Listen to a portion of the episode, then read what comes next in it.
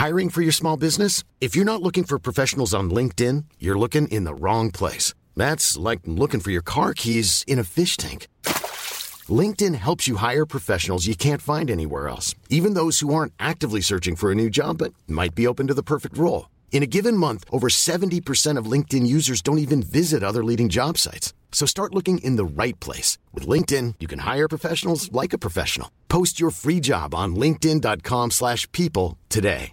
Mom deserves the best, and there's no better place to shop for Mother's Day than Whole Foods Market. They're your destination for unbeatable savings, from premium gifts to show-stopping flowers and irresistible desserts. Start by saving 33% with Prime on all body care and candles. Then get a 15-stem bunch of tulips for just $9.99 each with Prime. Round out Mom's menu with festive rosé, irresistible berry chantilly cake, and more special treats. Come celebrate Mother's Day at Whole Foods Market. Planning for your next trip? Elevate your travel style with Quince. Quince has all the jet setting essentials you'll want for your next getaway, like European linen, premium luggage options, buttery soft Italian leather bags, and so much more. And is all priced at 50 to 80% less than similar brands. Plus, Quince only works with factories that use safe and ethical manufacturing practices. Pack your bags with high-quality essentials you'll be wearing for vacations to come with Quince. Go to quince.com slash pack for free shipping and 365-day returns.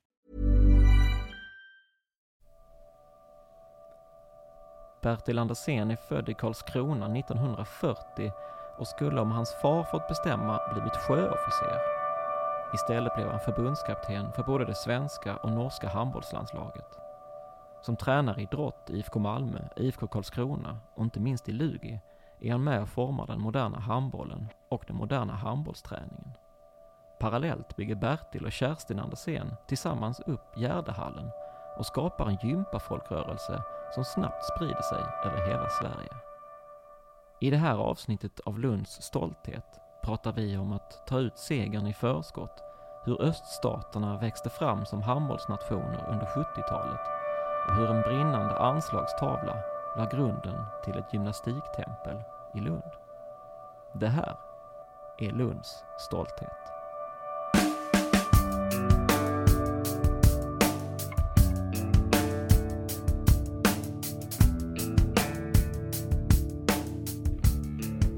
Men först ska vi ta reda på hur uppväxten i Karlskrona var. Ja, man kanske... det var ju väldigt trubbig uppväxt. Eh, om vi säger familjevis. Vi var ju nio syskon och jag var nummer Nio åtta. Nio syskon? Ja. Nummer åtta? Å andra sidan så bodde vi på 48 kvadratmeter. Så. Men i alla fall, det var intimt. Vi lärde känna varandra.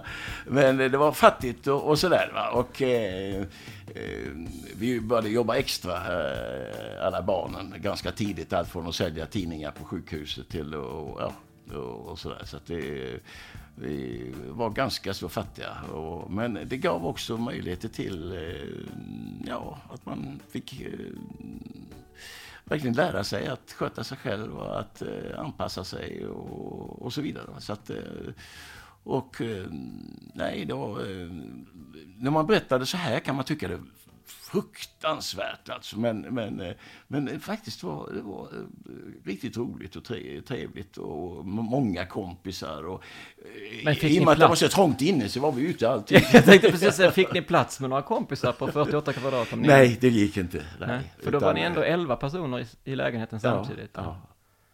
På 48 kvadrat, ja. Mm. Nej, men det är väl, det är väl som en en, en vanlig etta idag, tänker man. Eh, nära en tvåa. ja. eh, men, men, så, men och, och, dina syskon, hur många, hur många är ni? Ni var nio syskon? Nio syskon, ja. Bröder och systrar? Bröder och hur, systrar. Är det, hur, är det, hur var det fördelat? Ja, det var tre bröder som kom först. Mm. Och sen så eh, kom fyra systrar. Och sen kom jag och så kom en lilla syster. Vilket gäng min far ville inte att vi skulle gå i skolan. Han ville att vi skulle gå i skolan, men han tyckte vi skulle ut och jobba. Mm. Så exempelvis när, jag hopp, eh, när han trodde att jag hade hoppat av, då var han ute på sjön eh, på långresa. Eh, och då skrev jag in mig i gymnasiet. Och när han kom tillbaks efter den långresan sa han, vad fan ska du inte sluta snart i den där skolan? Eh, ja, inte riktigt än, sa han. Ja, ja, han kunde inte det där med real och, gymna och, ja, och gymnasium och realskola och sådär. Men i alla fall så plötsligt så så eh, upptäckte han att det var bara två år kvar till studenten och då blev han ju väldigt stolt för det var ju den första hela släkten då som skulle ta studenten. Och, eh, Så, så ingen av dina syskon gick Nej. i skolan så långt heller? Nej, Nej. det var realexamen då. Ja. Men de flesta, alltså mina bröder slutade ju i folkskolan eh, Ja. efter sjunde klass. Och började jobba istället? Ja, ja. Och det ville min far också att jag skulle göra. Men du hittade en öppning då tack vare att... Vad gjorde han på sjön? Var han ute på... Ja, han, var, han var ju anställd i flottan. Okej. Så, att, eh, så att han var utkommenderad. Det var en väldigt fin kommendering. Det var skönt att han kom iväg. Vad bra för din gymnasiegång, inte minst. Ja, det var det verkligen. Ja, Ja, tur för din studentexamen. absolut. Men vad, för, för hur ser den organiserade idrotten i Karlskrona ut då? Liksom? Vad ingick du i den alls? Eller? Ja, jag var med i en, i en, en, säga, en kvartersklubb som heter Björkholmen. Mm. Och eh, det var en väldigt social klubb. Och låg division 5 i fotboll någonting och division 3 i handboll. Och hade lite grann friidrott. Men väldigt fin gemenskap. Och de äldre tog hand om oss yngre. Väldigt, väldigt fint. Det var mitt andra hem, så att säga. Det var, det var, det var tur att det fanns. Ja, på den tiden så gjorde man ju allting. Så, så man Ja. spelade handboll när det var handbollstid och sen började, när handbollen var slut så började man spela fotboll. Ah, ja. Och, och sådär. Och så höll jag mycket på med friidrott. Jag känner ju dig mest som handbollstränare, eller framförallt egentligen Mm. här från Gärdahallen. Men, men eh, hur mycket handboll spelade du själv? Ja, eh, jag, vi, man var ju så allround. Ja, Och eh, jag hade ju så mycket, eh, jag, jag var ju tvungen att jobba mycket extra. Jag jobbade på bi- biblioteket eh, och jobbade tre kvällar i veckan på stadsbiblioteket. Jag var en rätt hyfsad handbollsspelare. Hade ett väldigt bra skott och kom ihåg rubriker att, liksom, att man sköt sönder motståndare och så vidare. Eh, Men det var det att jag hade, jag hade väldigt bra skott och lite speluppfattning. Men eh, träningen var alltså ja, tio timmar om året, alltså ren handbollsträning. tio timmar om året. Ja, någonting sånt. För att man höll på med fotboll och friidrott och allting sånt där. Så att, eh, Ja. Ja men, ja men tio timmar om året i skotträning och ändå kunna skjuta sönder motståndare. Det är ändå, det är bra resultat. ja, visst. Men sen när vi kom till Stockholm och sen, sen med GSI så blev det lite annorlunda. Ja. Men fanns där så Karlskrona och så Göteborg? Ja, man kan säga vidare till Göteborg till befälsskolan i kustartilleriet, Ja. KA4. Och eh, där gick jag igenom en reservofficersexamen. Eh, på den tiden skulle man ju helst bli stamofficer, för då fick man inga studieskulder eller någonting. Så min fars önskan var ju givetvis att jag skulle bli stamofficer Och direkt. stamofficer för Ja, det var alltså, jag var officer, så jobbade, har det som yrke. Men jag blev reservofficer. Och eh, jag kanske hade blivit stamofficer om jag hade inte kommit in på GCI, som det hette på den tiden, GH. Det var den svåraste linjen att komma in på. Det var alltså 600-700 sökande till 20 plats, 25 platser någonting. Så jag var väldigt stolt över att komma in och det var egentligen min dröm att bli gymnastikdirektör. Men eh, jag trodde jag aldrig skulle klara det. Men eh, i och med att jag kom in så blev det ju lycka. Och när man säger gymnastikdirektör, vad, vad, vad betyder det? Nej, det var väl en titel man fick till skillnad från gymnastiklärare, idrottslärare som hade gått folkhögskolor och eller annan eh, utbildning inom idrotten. Ja, okej. Så, Men de som hade gått då GSI, som det hette då, eller GH, de hade eh, rätten att ta sig eh, titeln gymnastikdirektör, som det hette på den tiden. det var viktigt. Det, idag heter det... GH, Ja, Gymnastik och idrottshögskolan. det. Exakt, ja. Och då var det gymnastiskt centralinstitut. Ja. Kungliga gymnastiska centralinstitutet. Till och med. Ja, det var prinsessan Birgitta som, som gick där då och blev Ja. kungliga. Och då blev det kungliga. Ja. Det var ju ont om välutbildade idrottsledare och är fortfarande. Och eh, när jag kom ut, alltså, min eh, stora stycke var ju idrottsfysiologi. Jag jobbade med, med, med professor P.O. Åstrand och jag var hans lilla eh, adjutant, höll jag på att säga, elev. Och eh, jag var inne på fysiologiska institutionen lika mycket som jag var hemma. Och eh, när jag kom ut sen och spred detta eh, kunnande om hur, man, hur hjärtat fungerar, höll jag på att säga, när man springer och, och, och hur man tränar muskler och allting sånt där, och koordination. Så var ju det ganska nytt. Och så jag åkte ju omkring alltså som en eh, liten, ja, så lite upplysare. Och eh, totalt inom idrotten. Men eh, Frälser folk i i fysiologins... ja, det kan man säga. Ja. Ja, det, ja alltså, överhuvudtaget hur viktigt det var med träning. Och, så, så att, eh, det var ju inte så vanligt då på den tiden att eh, vanliga människor tränade utan det var idrottsmän som tränade. Men här gällde det få folk att röra på sig. Så, så att jag drev ju väldigt mycket sån här som folkrörelse.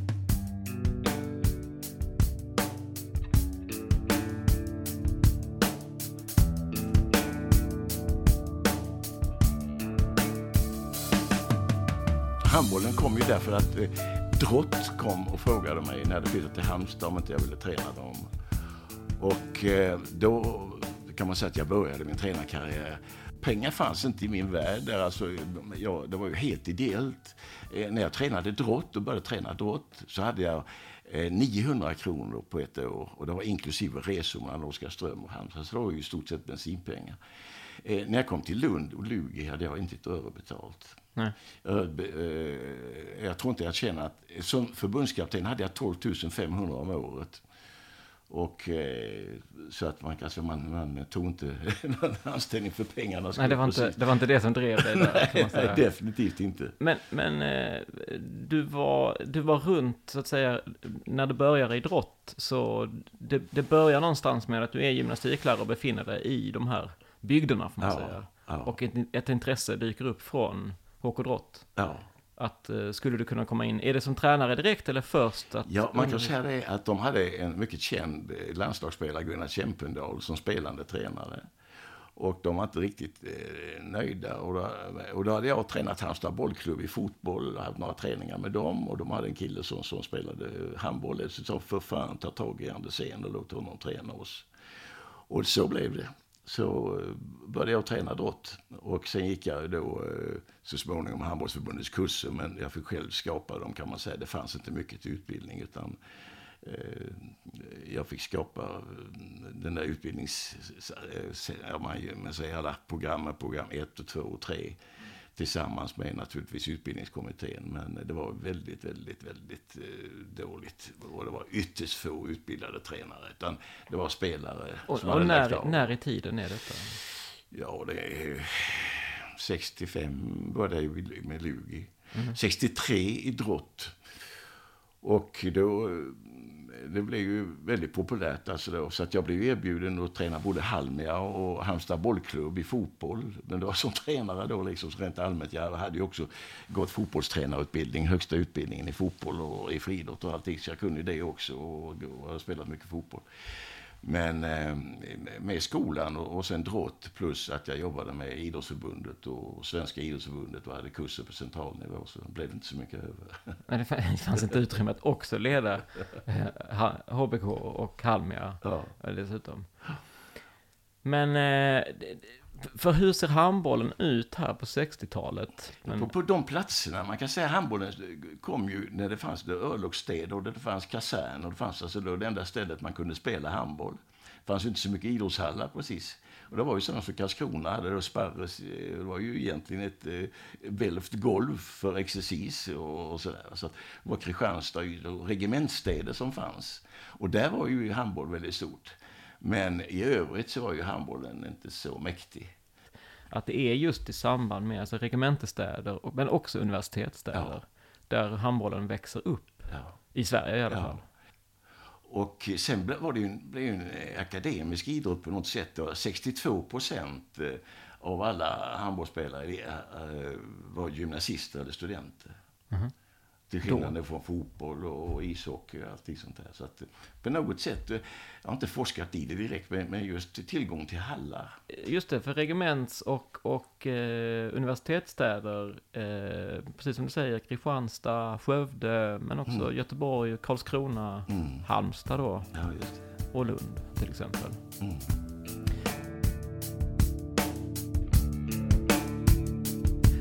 Men du är i Halmstad, när, när kommer du till Lund? Eh, 65? 65. Ja. Och vad är anledningen att du hamnar i Lund? Jo, eh, det var väl slump egentligen. Eh, jag hade goda vänner här nere och jag åkte upp och hämtade posten och kom då tidskrift i gymnastik. Och det visste jag då, det stod det platser, lediga platser. Och då sökte de en eh, idrottslärare vid universitetet i Lund. Och ansökningsdagen var dagen efter. och eh, så eh, jag körde ner till Goda Vänner i Malmö. Och, och sen så åkte, åkte jag hem till Oskarström ensam då. Kerstin stannade kvar och jag åkte upp till rektorn och så fick han skriva intyg och skriva betyg och, och, och jag fick samla ihop mina meriter. Och på morgonen efter körde jag ner till, eh, och ställde mig utanför Lunds universitet och då lämnade till innan klockan tio alla mina ansökningshandlingar och det, i sista minuten. Och det var alltså 120 sökande någonting. Och efter en vecka så läste jag i Sydsvenskan en liten notis längst upp till vänster att jag hade fått tjänsten som idrottslärare vid Lunds universitet. Så det var en mycket lyckad dag. Men hade de hört någonting från... Ja, de hade äh, gjort lite research. Jag tänker från, från och det både betyder, Drott och HPK. Ja, det betyder ju väldigt mycket att jag hade ett eh, handbollsexamen så att säga. Att jag jobbade inom handbollsförbundet och jag hade tränat Drott och, och, och sådär. Aha. Så att, eh, och då var ju Lugi inkopplat också naturligtvis eftersom de tillhörde universitet. Ja, för hur är kopplingen här? För du, var, du blev ju gymnastikdirektör vid Lunds universitet ja. vid det här tillfället. Ja. 1965. 65. Och då är Lugi... Ja, som en skolidrottsförening. Mm. någonting sånt där, som Kattes IF eller någonting sånt där. Men, eh, men det eh, var inte så hårda kopplingar alls, utan det var helt fri, fristående och, och sådär. Ehm, men då låg Lugi på väg ner till division 3 och så, så i andra divisionen och sen så gick vi upp i första divisionen eh, då året efter. Mm. Och var tränar man då, tänker jag? Ja, förr för var det ju Kattes gymnastiksal. Mm. Det tyckte man var stor då på den tiden. Mm. Sen, För de som har varit i den, det är också innan den brann, ja. eh, så är den väldigt liten. Den var, jag den var lite... Palestra. Nej, jag tänkte Katte. Kattes Katte, gymnastiksal ja, brann den med. Ja, just det. Just det. Ja. Palestra brann ja. Men, men eh, eh, det var ju väldigt primitivt och det var ju definitivt en vinteridrott. Mm. Ja, det var det. Ja, den 5 april skulle man slå igen butiken och man fick inte öppna den från 1 september i stort sett. Och då så var det först istället... jag, när jag, när jag började, att jag tyckte det var för jäkligt alltså om vi skulle uh, försöka. Så att, Eh, försökte få studenterna att komma ner här eh, så att vi kunde börja träna första augusti och de fick verkligen vara kvar här till juni och, sådär. Så att, eh, och så fick de lite hemläxa och sådär. Annars gick det inte att skapa ett lag som, som skulle bli bra och det ville vi bli.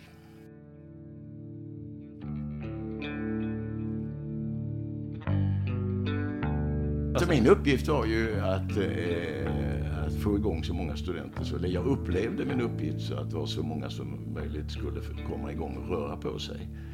Eh, så jag var ute på nationerna och grejer. Det enda som fanns då var ju i stort sett eh, den här eh, stadsparksrundan så att säga. Som var ju ganska känd på lördagar. Men det var vad som fanns och det var ju mycket elit som sprang där. Men för att få med alla så var man tvungen att ha någonting.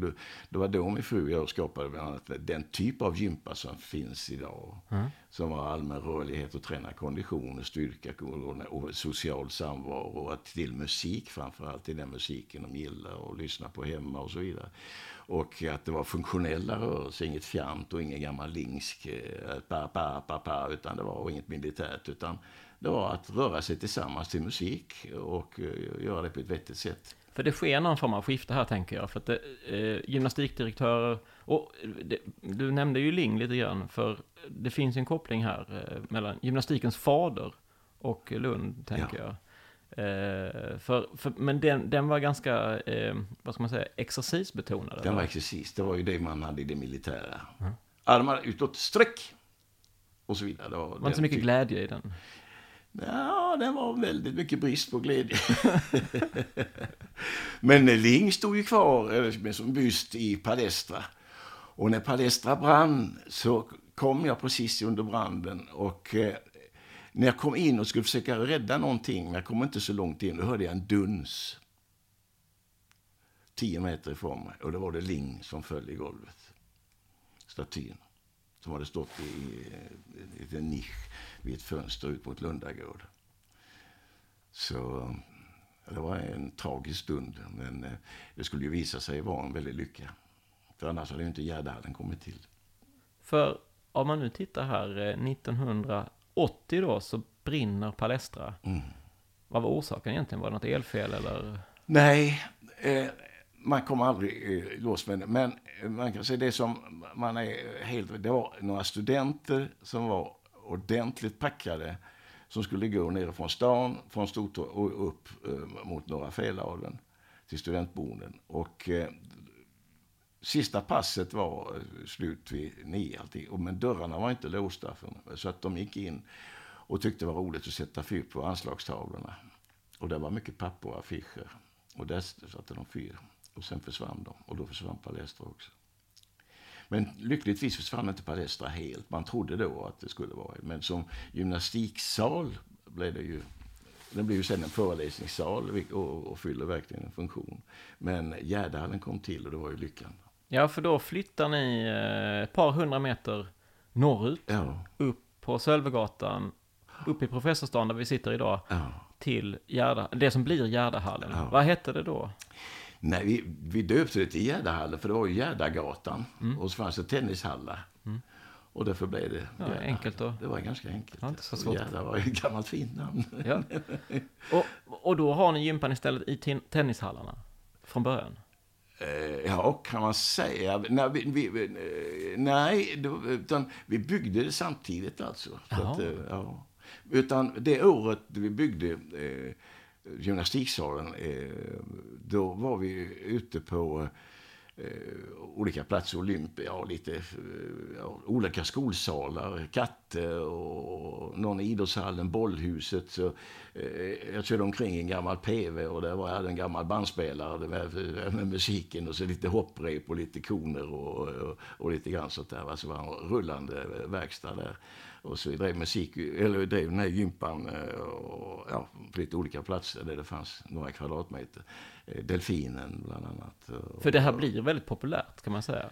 Eh, I, I den här stan, Lund, så blir ja. Gärdahallens, eller er gymnastik från början, ja. det som sen blir Gärdahallens gympa, ja, just det. är ju väldigt den populär. Ju väldigt, den blev ju riksbekant. Vi hade ju seminarier, vi hade, de kom från hela Sverige och sen från hela Norden och sen från hela Europa och följde upp oss och, eh, och försökte...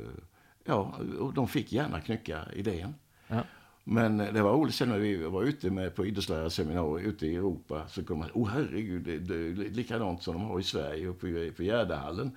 Det var alltså som vi hade exporterat den typen. För de lärarna som vi var på universiteten, de kom, vi hade ett stort, stort symposium här i Lund eh, som en fru jag hade. Och det kom ju massor med folk. De blev helt tända på detta. Så vi fick åka omkring lite grann som ambassadörer. Men det, det, oftast var det att de kom hit och följde oss en vecka. Så vi hade också kurser en vecka för europeiska idrottslärare och sånt för att lära dem hela systemet och sådär. Så det var ganska förnuftigt och enkelt egentligen. Men, men bra och trevlig musik som, som studenterna älskade att, att röra sig till. Och så enkla funktionella övningar. Där du tränade alltså framförallt cirkulationsapparaten, men koordination eller muskler och allting. Och det kändes att du hade jobbat igenom hela kroppen. Och alla elitidrottsmän tyckte detta var toppen. Och eftersom jag själv var elitidrottstränare både i friidrott och handboll och hade eh, högsta licens i fotbollen och sånt så, så var det liksom någonting som alla kunde ta till sig. Och det spred sig väldigt, väldigt mycket och vi fick jobba väldigt, väldigt hårt. Inte hårt, utan mycket. Men ni har aldrig exporterat, så att säga, själva Gärdahallskonceptet själva? Alltså tagit och sagt, men nu startar vi Gärdahallen fast i Norge, eller nu startar vi Gärdahallen i Danmark. Utan det har varit här och ja. ni har varit trogna den här institutionen. Ja, man kan säga då, sen är det plagiat. Som ja. exempelvis i, i, Oslo, jag hjälpte dem där när jag jobbade med norsk handboll och sådär. Så bygga upp den typen och sådär. Lite Helsingfors likadant. Och, så på flera olika ställen, universitetsställen. För jag var ju också då president i Nordiska idrottslärarförbundet på, gymnastik, alltså på Nordiska universitet. Så att min uppgift var ju så självklar när det blev sådana här symposier att, att jag och Kerstin, min fru, skulle visa hur man ska röra på sig. Mm. Men det kanske så att det är ni som står som, som bystar där till slut i de här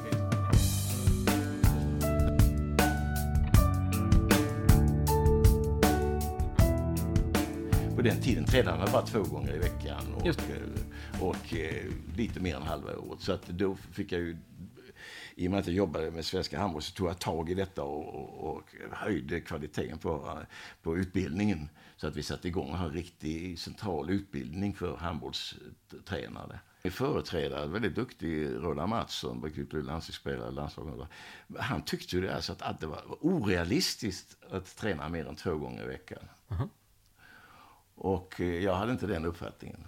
Orealistiskt för att nej, han kroppen inte skulle orka? Menar, nej, nej, nej alltså, han tycker det, det är vad man kan kräva av folk. Så att säga. Det var ju, mm. alltså, amatör, alla var ju amatörer ja, och, och sådär. Och, idag så är det ju väldigt mycket proffs, och då tränar man ju varje dag.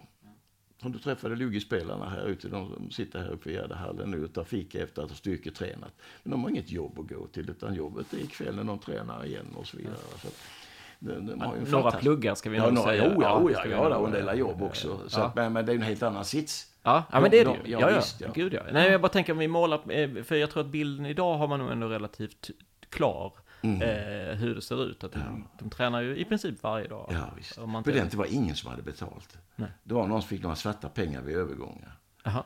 Så var det ingenting. Men, men eh, du, hur ser det ut sen? Tränar du Lugi kontinuerligt eh, under hela 70-talet? Eller hur ser, hur ser din karriär? För du, ju, du blir förbundskapten för landslaget. Ja, 1974. Just det, efter VM. Ja, efter 74, ja. ja. Och då... Eh, så hade jag dem till 79 förbundskapten. Sen blev jag ju lite grann, ska jag säga, lite chef för ja, träningen. Eller någonting sånt där. En befattning som bara fanns, eller ja, vad ska jag säga, chefstränare eller någonting sånt där. Eh, chefstränare eh, till 82. Men eh, då började jag med Norge. Och då tränade jag, då jobbade jag naturligtvis här på Gärdehallen eh, för heltidstjänst och så tränade jag IFK Karlskrona. Eh, och sen så tränade jag, jag Norge, Norge och Gärdehallen och IFK Karlskrona. Det var min tjänst så att säga. Efter eh, då 82? Två. ja. Mm. Mm. Men vad, och vad, vad, är, vad gör du i Norge? Ja, då är jag landslagschef och jag tränar, mm. tränar A-landslaget herrar. Mm. Men hjälper till också att bygga upp damlandslaget. Så att bygga upp det hela deras tränarinstitution, tränarutbildning. Och hur, så, hur, hur såg det ut då eh, i Norge? Mm, det var inte snyggt. Det var inte det? Det var amatörmässigt. Ja. Väldigt amatörmässigt. Ja. Och anledningen till att de sökte mig, det var ju att jag hade ju mött Norge med svenska landslaget och vunnit med allt större siffror. Vi vann med mellan 12 och 17 mål varenda gång. Och eftersom de säger att det har hänt någonting i svensk handboll så, så, så ville de att jag skulle komma dit. Och med norskt ursprung, min far var ju född i Norge, så var jag tvungen att säga ja. Du kunde ändå känna att blodsbanden kallade. Men det var den enda gången jag fått betalt i stort sett för att jag har tränat. Jaha, ja. alltså, det var där. Ja. Det var där. Eh, redan då? I, i, I, Sverige så delade Danne Lindqvist och jag på 25 000 om året. Mm. Inklusive resor, telefon och utgifter. Så att, mm. I stort sett har jag inte tjänat någonting på, på, på dessa. Men i Norge så, så blev det lite bättre, men dock inte de summor som finns idag. Men, jag har aldrig jobbat för pengar utan för att det är roligt. Ja men det verkar så. Ja. Eh, men, men eh, för du var förbundskapten 74 till 79 och om man tänker sig att idag så tittar vi på ett svenskt landslag både på dam och herrsidan. Numera både, på både och där vi någonstans förväntar oss både att man deltar i mästerskap och mm. att man har ändå uppe och nosar på, på riktigt stora nationer och mm. under en period så vann vi också mästerskap och sådär. Mm. Men det var inte riktigt så då. Nej, man kan säga det som för, för, förändrade situationen helt och hållet, det är ju att öststaterna kom in i bilden. Ja. Eh, det var ju alltså typ Jugoslavien, alltså det Östtysk, Sovjet och alla de. de, menar, de, var ju, de var ju helt proffs. Det, det, gick inte att jämföra. De tränade ju dygnet runt, höll jag på att säga. Och de, de plockade in dem till de större, eller till handbollscentra i, i Östtyskland, de städerna där det fanns, Magdeburg, Berlin och så vidare. Och så satsade de alla där. Ingen fick bli nere i Växjö, Markaryd, Karlskrona. Alla skulle samlas. Och där samlades alla de bästa tränarna och de fick de bästa förutsättningarna. Och eh, naturligtvis helt betalt och fullt och bara kunde koncentrera sig. Och, så handbollen var på något sätt någon form av propagandamaskin där också? Det var, för, i och med att det blev en olympisk idrott. Just det så blev det så stort. När, när blev den olympisk Ja, idrott? 72 var väl första... München då? 70, Ja, just det. Någonting sånt där. Det är väl proffs. De började väl skapa på slutet av 60-talet. Någonting sånt. Så att eh, men det var ju lite eh, olika.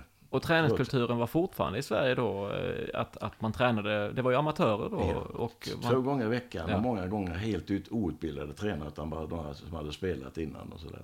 Svårt, svårt att mäta sig mot eh, och fullblodsproffs då. Väldigt svårt. Och de eh, hittade ju typer, jag kommer ihåg någon, den ryske tränaren eh, Jevtusjenko sa en gång, ja Bertil, eh, ni, eh, ni, har, eh, ni, ni tar tekniska killar och, och, och lär dem spela hand. Vi tar, Eh, eh, eh, eller, och, och, låter spela. Vi tar och söker upp de största spelarna och försöker lära dem att spela handboll. Men vi tog handbollsspelare och försökte göra dem stora och de gjorde tvärtom. Men de hade ju naturligtvis, jag hade, som bara i Moskva på universitetet, hade de 150 idrottslärare varav 20 bara jobbade med handboll. Och så, så att det var, det är ju stort så enormt. Och likadant i Östtyskland. Helt, de skrattade ju åt oss med de resurserna vi hade. Jag tänker man måste vara kul att vara med när man tänker efter, tillbaka på det, Mm. och se den utvecklingen. Alltså från, från några år och eh, på några år så bara förändras den. Ja, det var en, väldig, det var en enorm utveckling av handbollen. Eh, och eh, till det bättre, men alltså förr i tiden det var ju avkast, det fanns ju du kunde inte kontra i stort sett och det var ju så långsamt eh, och gå handboll och det var ingen tidspress, du kunde hålla bollen i fem minuter och, och sånt där. Va? Så att det var inte publikvänligt egentligen, utan det var ju spänningen som gjorde det. Va? Och, och i de handbollsbyarna, att det var handbollen var stor, så, så jag gick typ i Karlskrona och Kristianstad och Ystad och sådär. Ni har ju ett bra lag här i slutet av 70-talet. Eh, är, är du tränare parallellt förbundskapten och tränare för Lugi? Eller är det Ja. två? Och i Gärdehärden. Ja. Ja, man hade tre heltidstjänster kan man säga. Ja, det blir det ju faktiskt. Ja, det blir det. För man måste ju ändå hålla koll på alla Ja, spelare. visst. Men alla spelare befann sig i alla fall i Sverige som du skulle ta ut till landslaget, tänker jag. Ja. I princip, ja. Ja, kan man säga. Ja, ja, det kan man säga. Eller hade du någon som befann sig Ja, det, bör, det började att glida lite grann där. Men eh, den första som skulle bli riktigt proffs, eh, var Basti Rasmussen. Jaha. Och det var, han var ju riktigt geni och är fortfarande. Men eh, det var redan 74 när han började i landslaget och jag tog hand om landslaget. Så fick han erbjudande från Holland och det och så. Så var det ju efterhand så, så, så kom ju erbjudandena till de här spelarna och så där. Så att, eh, att befinna sig även i proffs... men vi hade ju inga eh, möjligheter. Alltså jag hade 19 dagar eh, första året att ta- hand om landslaget med kamper och träning och allting sånt där. Så min möjlighet att påverka var inte så där enormt stor. Utan det var viktigaste var att utbilda tränare och höja handbollskulturen i Sverige. Att öka antalet träningsdagar från två till fem och så vidare. Och eh, för att inse att det är en, en internationell storsport och olympisk idrott. Och nu måste vi anpassa oss. Men tog du dem, den filosofin till Lugi för att du, om man nu tittar på det så du är ju Lugis enda guldtränare. Eh, var det din filosofi om att öka träningsdosen som gjorde att man också klev framåt så Ja. pass mycket? Det är det att vi, vi, vi, vi tränade väldigt seriöst och, eh, och ändamålsenligt. Och dessutom så var det ju det att då, då, då innan Palestra så var det ju många som tränade och gick på min gympa. Och, och sådär och fick sin fysiska träning. och Så, där. så jag kunde anpassa den individuellt, deras fysiska träning, typ Lars Ribendal och alla de här spelarna. Och Göran Gustafsson går ju fortfarande med. Men det är Ja, jag har sett honom här på Ja, några visst, pass. visst. Jag har, jag har alltid haft lugespelare här som har haft det som, som riktigt hemma. Och den har fortsatt efter karriären. Men också, eh, nu tränar de ju här alla. Lugespelare har gjort i många år. Så. Men var det, tror du att det var den, så att säga, din egen filosofi som gjorde att ni kunde kliva förbi de andra och vinna SM? Ja, det kan man nog eh, säga lite skrytsamt. Eh, Vi låg långt fram när det gäller träning och, och så. Det gjorde vi. Och eh, För det, man, kan, Ja, man kan ju dra en liten parallell idag, för de som tränar allra mest idag, till exempel IFK Kristianstad, Mm. tränar ju två pass om dagen mm, eh, i hall, mm, eh, plus styrka då. mm. Eh, och det är ju ganska få andra klubbar i Sverige som har den möjligheten Ja, eh, och har den ekonomin att lösa det. Lugi har det ju hyfsat nu med, med att det är så pass många studenter. Och det är som du säger, du träffar de här eh, vid Gärdehallen och de är och tränar eh, flera gånger i veckan. Och och sitter och fikar och snackar och allting. Så det är ju toppen att ha, eh, ha detta så kopplat. Och just att de bedriver en vettig styrketräning som är handbollsanpassad. Och inte att de ligger bara och kör bodybuilding utan en funktionell träning. Du är tränare i Lugi, om man nu bara tar det här SM-guldet, för det, det, det, det ligger ju många väldigt varmt om hjärtat. Mm.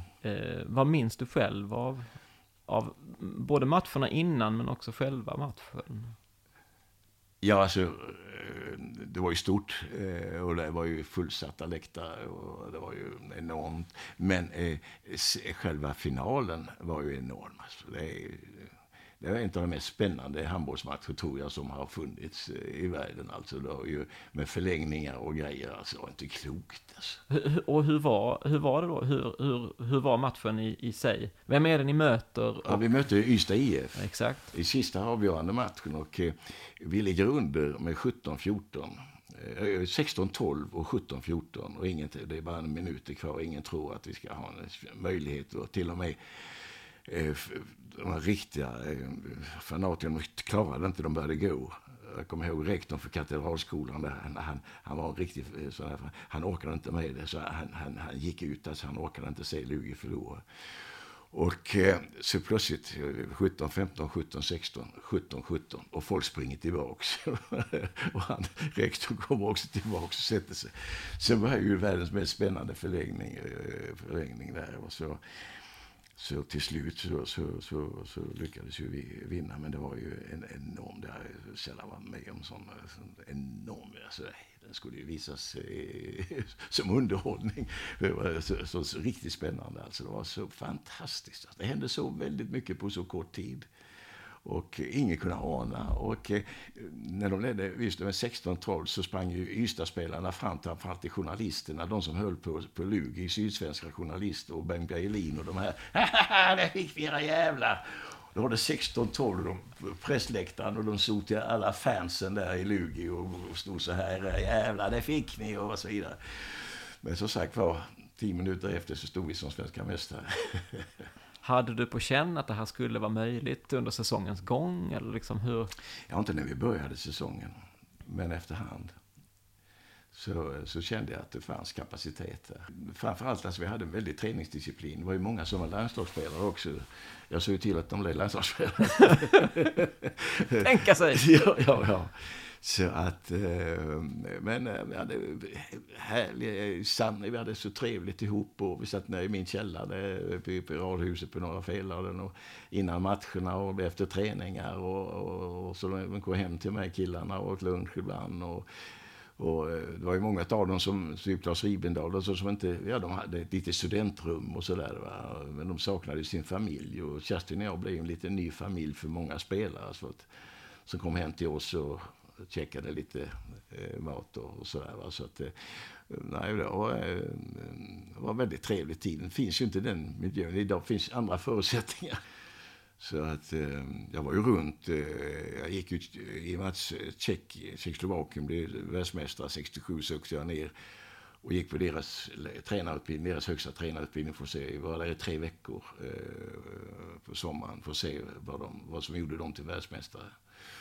Och det var ju mycket man kunde plocka ur det rent taktiskt, strategiskt. Men jag skulle aldrig kunna överföra eh, sättet att leda. För det var helt annorlunda? Ja, de var ju slavar, det var soldater. Du slutar någonstans 85, va? Ja. Kan det stämma? Olle Olsson tar över efter dig. Ja, gör han kanske. Jag kommer det gör han kanske. Ja, men... Ja, alltså, det blev ju det att eh, i och med att Gärde, alltså, byggde upp Gärdehallen här, va? och det är alltså 85, vi har ju plötsligt alltså, så står vi här med flera tusen personer alltså, som ska sysselsättas. För, för den här verksamheten som vi nu sitter i, Gärdehallen i Lund, eh, den växer ju. Mm. Eh, och växer ganska kraftigt. Och mm. mitten av 80-talet så blir ju gympan också, alltså det blir en folkrörelse i hela Sverige. Ja på många olika sätt och det hamnar i tv ja. och liksom, det blir ju liksom, ja. alltså de här benvärmarna blir ju årets julklapp kan jag tänka mig. Ja, visst, visst. Nästa Kerstin hade ju 17 pass eh, i tv då på bästa sändningstid eh, som gick ut. Men, Och det är ju bara Kerstin och jag och någon enstaka till. Och vi måste utbilda ledare. Så att vi har ju dygnen fulla bara utbildning och leda själva. Vi hade ju 15 pass var. Det var ju så, det är så lätt här i Lund. Va? Det, det sprids så fort ja. bland studenterna och, och lätt att nå ut. Va? Så att, eh, men vi hade ett par tusen direkt alltså. Att, eh, och när vi lämnade så tror jag vi hade 19 800 ja. medlemmar. Det... Vi hade över en miljon besök. Men och, och, din relation till eh, handbollen idag och, och kanske till Lugi idag, hur är, hur är den?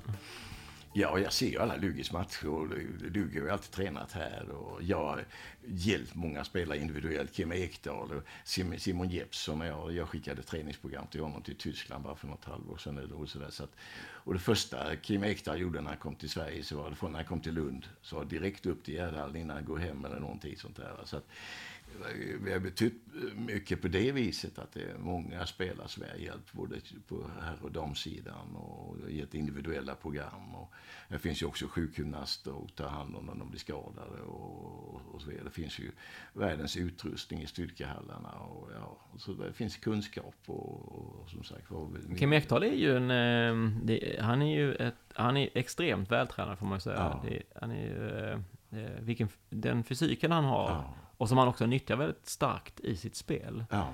Eh, Den har han byggt på Gärdhallen. Ja.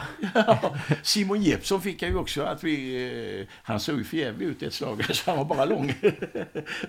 och, eh, men han fick ju, du ser honom, han är ju, är ju riktigt muskulös. Och, så att, och jag har varit på många av de här spelarna hela tiden nu. Och som, som du, du snackade med Wallinius och dem. Man måste ju se till så att de verkligen tränar ordentligt och, och, och sådär.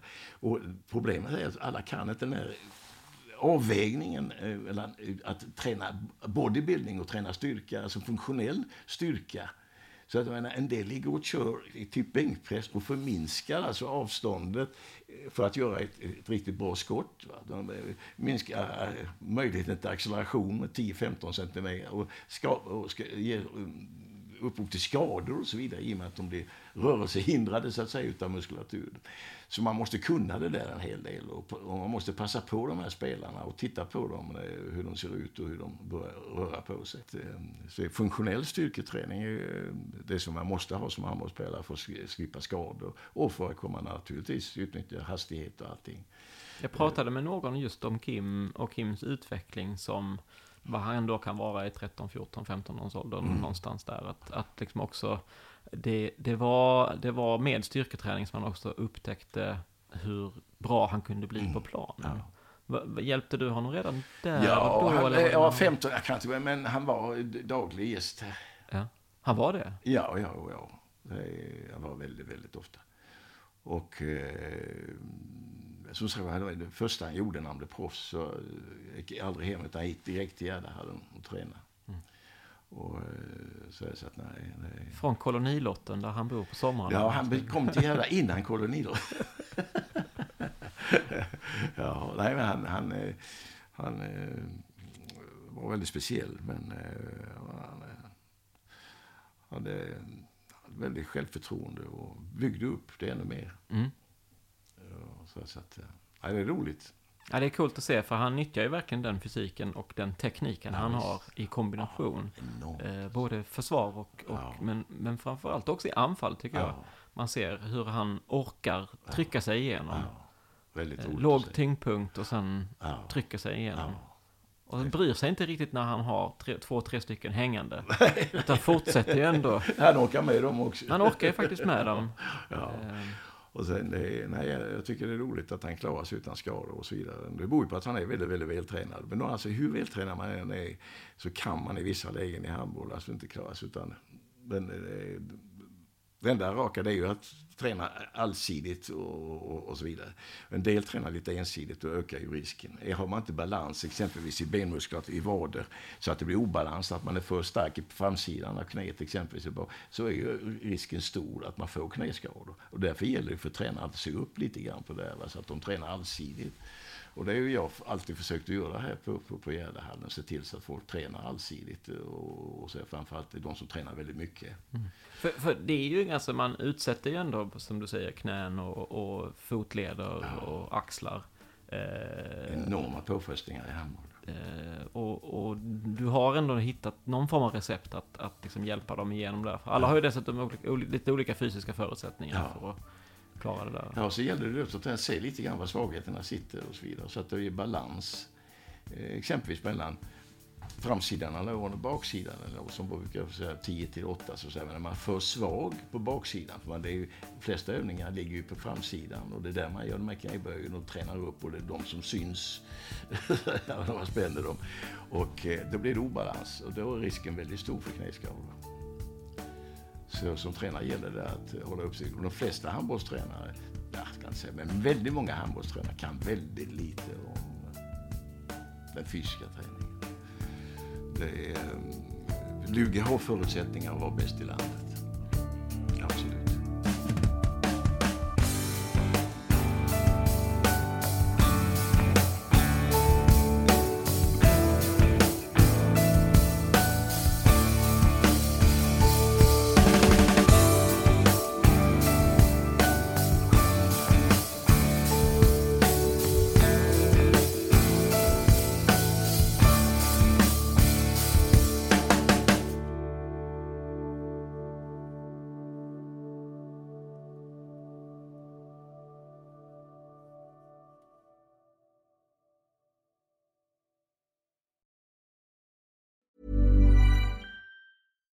Hi, I'm Daniel, founder of Pretty Litter. Cats and cat owners deserve better than any old-fashioned litter. That's why I teamed up with scientists and veterinarians to create Pretty Litter. Its innovative crystal formula has superior odor control and weighs up to 80% less than clay litter.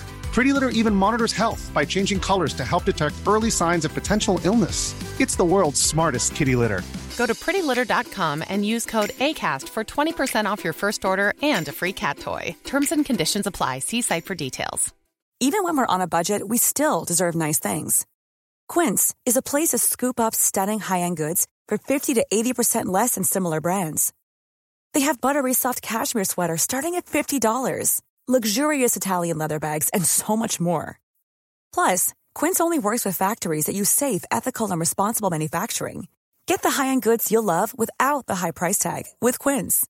Go to quince.com/style for free shipping and 365-day returns. Mom deserves the best, and there's no better place to shop for Mother's Day than Whole Foods Market. They're your destination for unbeatable savings, from premium gifts to show-stopping flowers and irresistible desserts. Start by saving 33% with Prime on all body care and candles. Then get a 15-stem bunch of tulips for just $9.99 each with Prime. Round out Mom's menu with festive rosé, irresistible berry chantilly cake, and more special treats. Come celebrate Mother's Day at Whole Foods Market.